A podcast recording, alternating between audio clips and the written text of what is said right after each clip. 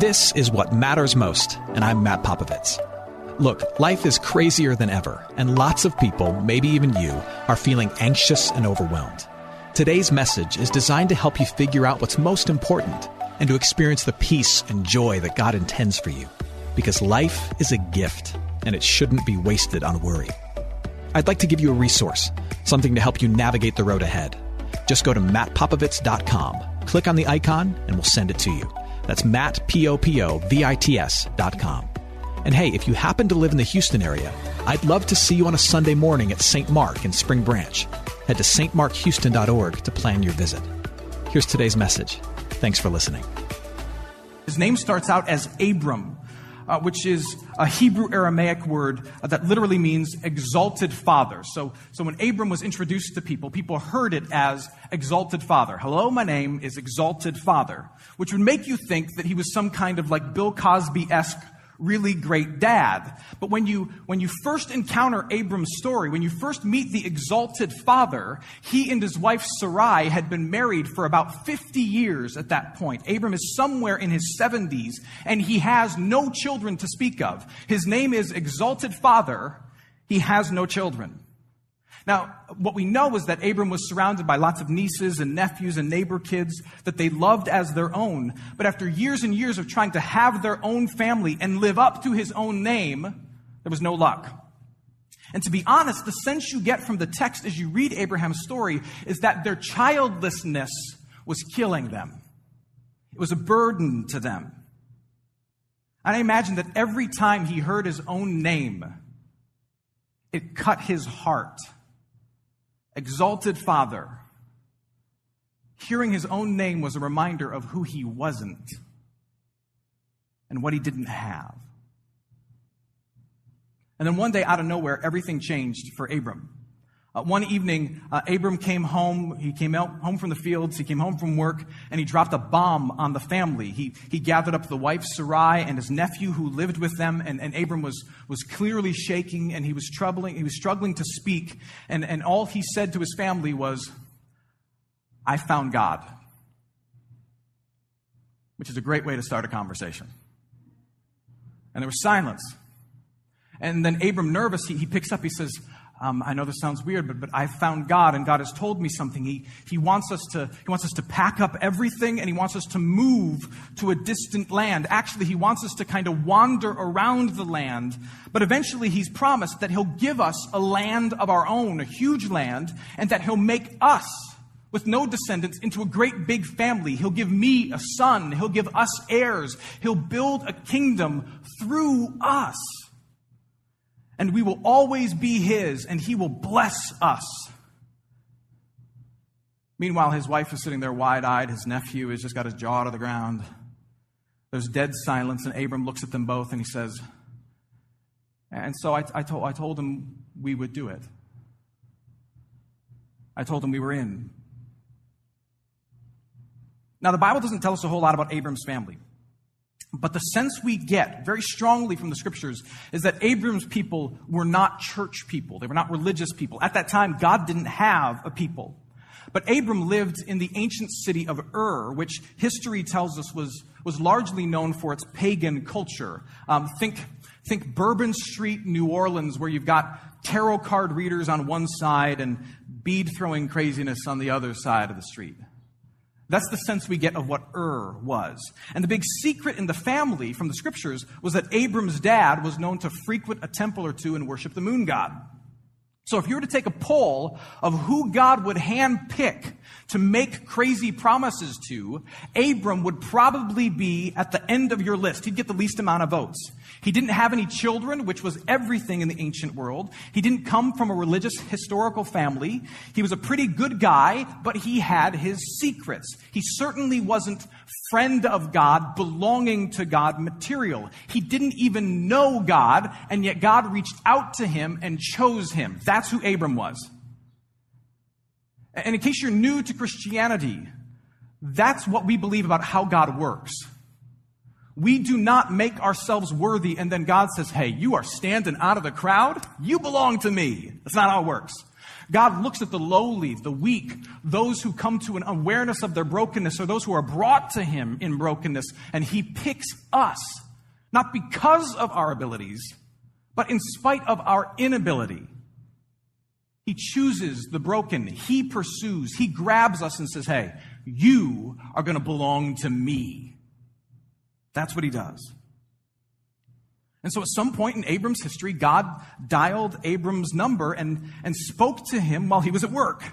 We don't know how it happened. All we know is that God spoke loud and clear. And, and, and Moses, who recorded Genesis, records the words that God spoke to Abram. He said this this is the promise Leave your country, your people, and your father's household, and go to the land that I will show you. In other words, leave everything you know and go to a place that I will show you. You can't see it now, but I'll show it to you later. I will make you into a great nation man who's never had any children, and I will bless you. I will make your name great, and you will then be a blessing. I will bless those who bless you, and whoever curses you, I will curse, and all the peoples on earth will be blessed through you. In other words, I'm going to make you mine, and you're going to be the family of all families. As Abram's hearing this, I imagine like his, his leg is shaking, his feet are feeling sweaty in his sandals, and a million things are going through his mind. He's hearing this and he's thinking, oh, what am I going to tell my wife? Do I run away? Was this, was, this, was this something I ate? I wish I'd charged my phone so I could take a picture. I'm not the kind of person that God would pick and, and try to build something big out of. I'm, I'm in my late 70s and I don't even have a child to my name, and you're going to build a, a family out of me. All these things must have been running through his mind, but none of that comes out of his mouth. The only thing that comes out of Abram's mouth is, okay. You see, Abram could have walked away. He could have heard God's crazy promises and he could have, he could have he could have treated this, this interruption from God like one of those, those pop up ads that comes up when you're trying to read the news on your phone and you got to find the X that's super small and you immediately try to touch it with your pinky. You're like, ah, I don't want to touch the ad. I just want this to go away, right? Abram could have looked at this interruption from God in that way. But instead, God called, God chose, and Abram responded. And it sounds simple, but, but that really is the most basic part of belonging to God. First, God chooses you, and then you spend the rest of your life not pushing Him away, but responding to Him. God chooses, God speaks, and we respond. That is the basic dynamic of being in friendship, in relationship with, of being, of belonging to God. He chooses, and then He speaks, and He challenges, and we respond but it is difficult to respond. That's part of what discipleship is about. God has chosen you. He's, he's pulled you out of your life and set you into this crazy life of following Him and being forgiven by Him. And over the course of your life, as He then speaks to you and says, Hey, I want you to do this. I want you to go here. I want you to ask for forgiveness. I want you to give thanks. I want you to share me with your friend. Less and less, knowing how His choosing has blessed us, we, we, we press that button that pushes him away less and less and less, and we answer when he calls. That's what we do. He, he, had, he had a respected standing in his community. He left it behind. Not because God had put something right in front of him, tangible, but God had put a big promise out there that was intangible. All the risk seemed to be for Abram. And yet, because God had spoken, because God had made a promise, all Abram could do was simply take God at his word and go. And that's the second part of being in a relationship with God. He speaks, we respond. But the essence of this dynamic is that God doesn't put too many really tangible things out there in front of us. It's an exercise of faith. He speaks, we respond, He promises, and we simply take Him at His word because He's trustworthy. And that to me is the hardest part of faith. I don't know about you, uh, but I have been burned by people who can't keep a promise. Not only that, but I often fail to follow through on my own words, which makes me really, really skeptical of my ability to trust anybody else's. Not because I don't trust them, but because I don't trust me. And if I can't trust me, how in the world am I going to trust you? Yet the ability to trust in the promises of someone else is the key to any relationship, be it a marriage, a business deal. It doesn't matter how much money somebody puts on the table or what they write on the paper. In the end, you're just taking somebody at their word. And if you can't take somebody at their word, then you've got nothing. You've got nothing. And so Abram and his family left. This is so true of our life of belonging to God. When He speaks, when He promises, we go all in with it. We take Him at His word. I want you to follow me. I want you to go with me. I want you to trust me that I can forgive you. And so Abram left with nothing but a bunch of promises and an angry wife. That's faith. Fast forward 11 years. 11 years go by. And his family now has been on the road every step of those 11 years. Uh, they, uh, at times, they would settle in one place, but only for a few months. Then they'd pack up, they'd wander around, and they'd go to another place. 11 years. And life on the road hasn't been the extended vacation that they thought it would be. This exalted father, 11 years earlier, had gone all in on God's promises, and this exalted father still had no child. Now, at that point in the process, how joyful would you be? How hope filled would you be? 11 years in, how strong would your marriage be? 11 years. I hope you're enjoying today's message. For more of what matters most, you can head to mattpopovits.com. There you'll find other messages. You can support this ministry as well as access your free gift. Oh, and if you're looking for a local church and you live in Houston, come and see what's happening at St. Mark Houston. To plan your visit, head to stmarkhouston.org. Thanks for listening, and back to today's message.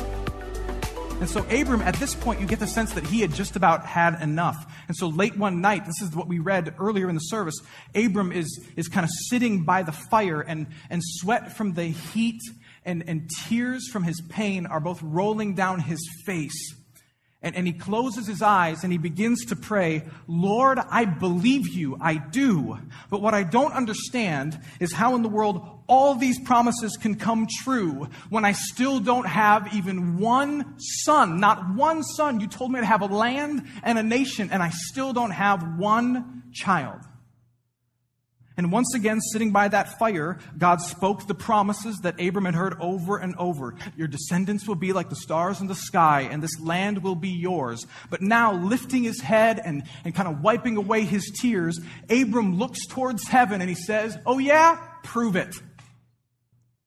After years of hanging on to promises, of taking God at his word, Abram was looking for a guarantee. He wanted some kind of proof that God was serious about this relationship. How can I be sure that after everything that's gone on, your promises will still take place? I've been waiting for a long time. You tell me you're good. You tell me you're good. I've gone all in and I've got nothing to show for it. Have you ever been there? By the way, did you know it's okay to get angry at God? When you see it throughout the scriptures, you see Abram saying, God, where are you with your promises? You see David in the Psalms saying, God, where are you with your promises? God is big enough to take your anger as you wait on his promise. So Abram says, I want proof. And God says, Okay. And immediately he began giving Abram orders. Uh, God said, Bring me a cow, bring me a goat, bring me a ram, and bring me two birds, a dove and a pigeon. So Abram quickly, he had a whole herd of animals with him, thousands of animals. Abram quickly went back to his herds and he gathered the animals and he brought them out and put them in a pile. All the while, he's wondering, is this what I think it is? And then God told Abram to take each of those animals, except the birds, those were for an offering later, take each of the four legged animals and cut them in half, right like this. Cut those animals in half, right like this. And then to take the halves of the animals and set them on either side of each other with a space in between. Now, if you cut an animal in half and you put one side, this right here, and the other side right here, and you do that with like four different animals, in between those two sides, a big river of blood is going to form.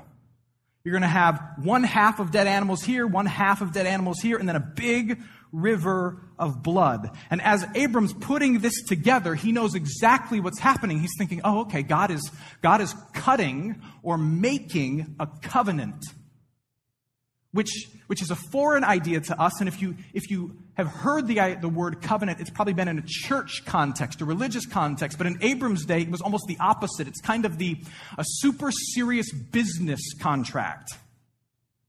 The killing of the animals meant that each person was willing to give his or her own life in order to keep up their end of the deal by bringing animals to the center, cutting them, killing them, and letting the blood flow. They were saying, hey, if I don't keep up my end of the bargain, may this happen to me.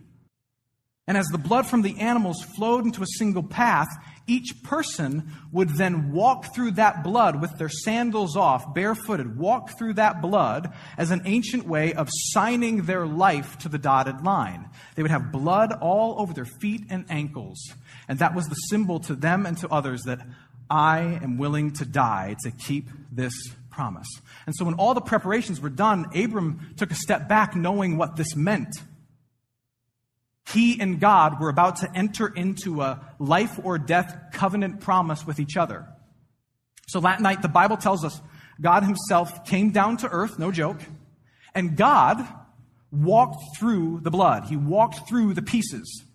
God had promised Abram that he'd father a great nation that the land they were wandering in would belong to him, that all of his descendants would have a special connection to God, and that God would always be on their side. And now, to show just how serious he was, God walked through that blood of those animals as a way of saying, I'm willing to give my life to keep my end of the bargain. If you don't end up with a family and if you don't end up with land, may you do to me what was done to these animals. That's what God was saying.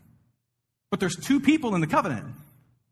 And now it was Abram's turn to take that walk, and the terms were clear. God would keep all of his promises. And all Abram had to do was be perfectly faithful and trusting. Not only that, but all Abram's descendants had to do was be perfectly faithful and trusting for the rest of his life and throughout their entire history, which is easier said than done.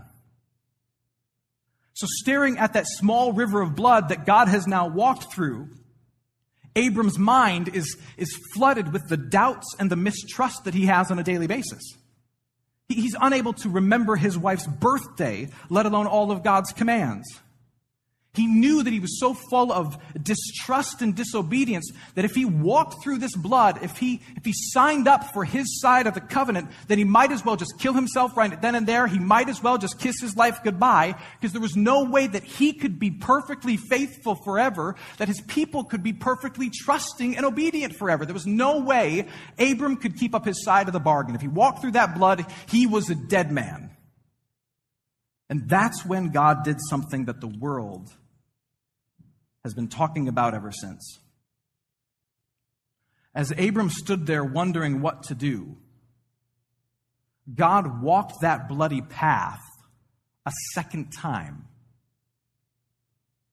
God took Abram's turn Abram was supposed to walk and put his life on the line. But the word, but the word, the scriptures tell us that God came down as a smoking pot of fire and he went through that blood. He took Abram's turn. And in doing so, this is where the grace comes in. God was saying that he was not only willing to offer his own life to keep up his side of the covenant, but he was willing to die for the failures of Abram and his people in order to keep their side of the covenant. In doing so, God was making this a win win situation no matter what for Abram. If Abram failed, God said, You don't have to die, I'll die so that this deal can stay in place. Total grace, total gift. I will keep my promise no matter what. You see, five minutes earlier, Abram had asked for proof that all the promises would come true. He wanted some kind of assurance that this messed up, imperfect person could really and truly belong to God, be a friend of God. And so God gave his guarantee. He provided the proof. He said, I'm willing to back both sides of this agreement in my own blood. And that is how you can be certain that you will always belong to me. Fast forward now 3,000 years. 3,000 years have now gone by. In the course of time, Abram is long since dead, but Abram did have a son, and God changed Abram's name to Abraham, meaning father of many. Exalted father of many was his name now. And from that one son grew an entire nation scattered throughout the land that Abram once wandered by himself. The promises have been kept. Abram is the father of a nation. They have an entire land. And while God had fulfilled his end of the promise, kept his side of the covenant, the family of God followers, Abram's descendants, had come up far short on their end. If you read the Old Testament, you hear their history. They are deeply imperfect, they were incredibly unfaithful, and they were unbelievably disobedient and rebellious against God, breaking the covenant, breaking the covenant, and breaking the covenant, which under the rules of the covenant means they deserve to what? To die. However, right around this same time, 3,000 years after this covenant is made, a man named Jesus comes to earth, who we believe, the scriptures teach, is God in flesh, and he has one goal in mind. His goal is to keep the covenant. See, in Jesus, God himself died on the cross, paying the covenant price for Abraham's people by being tacked on a cross and tossed in a grave like an animal.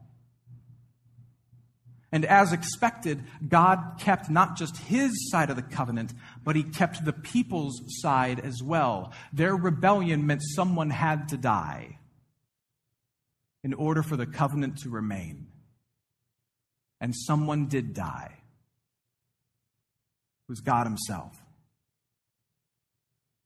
You see, what I love about the story of Abram is that it's not just the story of some guy who lived a long time ago who talked to God and cut up animals.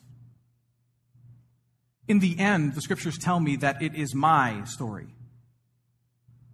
I, I, don't care who you are or where you come from, but God has called you. If you're here, God has called you like He called Abraham. And He is saying to you that, that through faith in my promises, you too are a descendant of His family, and you are a member of His family. You are under that covenant. And although you too have doubts on a daily basis, although you too struggle to remember your anniversary, let alone all my commands, although you too have been rebellious, Christ has taken your place. So go ahead, answer my call, Take me at my word. Follow me into the unknown. Know that you are mine because you have a deal with me that has been backed up not by your abilities, but by my own blood. The reason you belong to me is because I have secured you in this relationship through my promises that I keep through my death. So take me at my word. Follow me. Know that you've been chosen and respond because it's all on me. It's not on you. That, in the end, is what makes us His. That is what makes us belong to the family of God, the work of God in Christ to keep us in the promise. So, what would the world say of you if they had to summarize your existence? They may say that you uh, were a wonderful mother, an incredible father, the biggest jerk they ever met, but none of that matters in comparison to what Christ has done for you on the cross. Because of Christ on the cross, you are a friend of God. Because of Christ on the cross, you belong to God. That is the simple sentence that God wants to sum up your life with. That is the sentence that God has summed up Abraham's life with. He has kept the promise through his own blood, not through your effort. You are his friend. And that is the origin of covenant. Amen. Hey, it's Matt. I hope you enjoyed what matters most. Here's what I need you to know life is a gift, and it shouldn't be wasted on worry. I want to help you figure out what's most important and to experience the peace and joy that God intends for you. So for more content, you can head to mattpopovits.com. That's Matt, P-O-P-O-V-I-T-S dot com. There you can also support this ministry as well as access your free resource, a little something to help you navigate the road ahead. I'd also love to see you on a Sunday morning. If you're in the Houston area, head to stmarkhouston.org to plan your visit. In the meantime, hit me up on Instagram at mpopovits or at facebook.com slash Matt Popovits Ministries. Thanks for listening. Now go and hold tight to what matters most.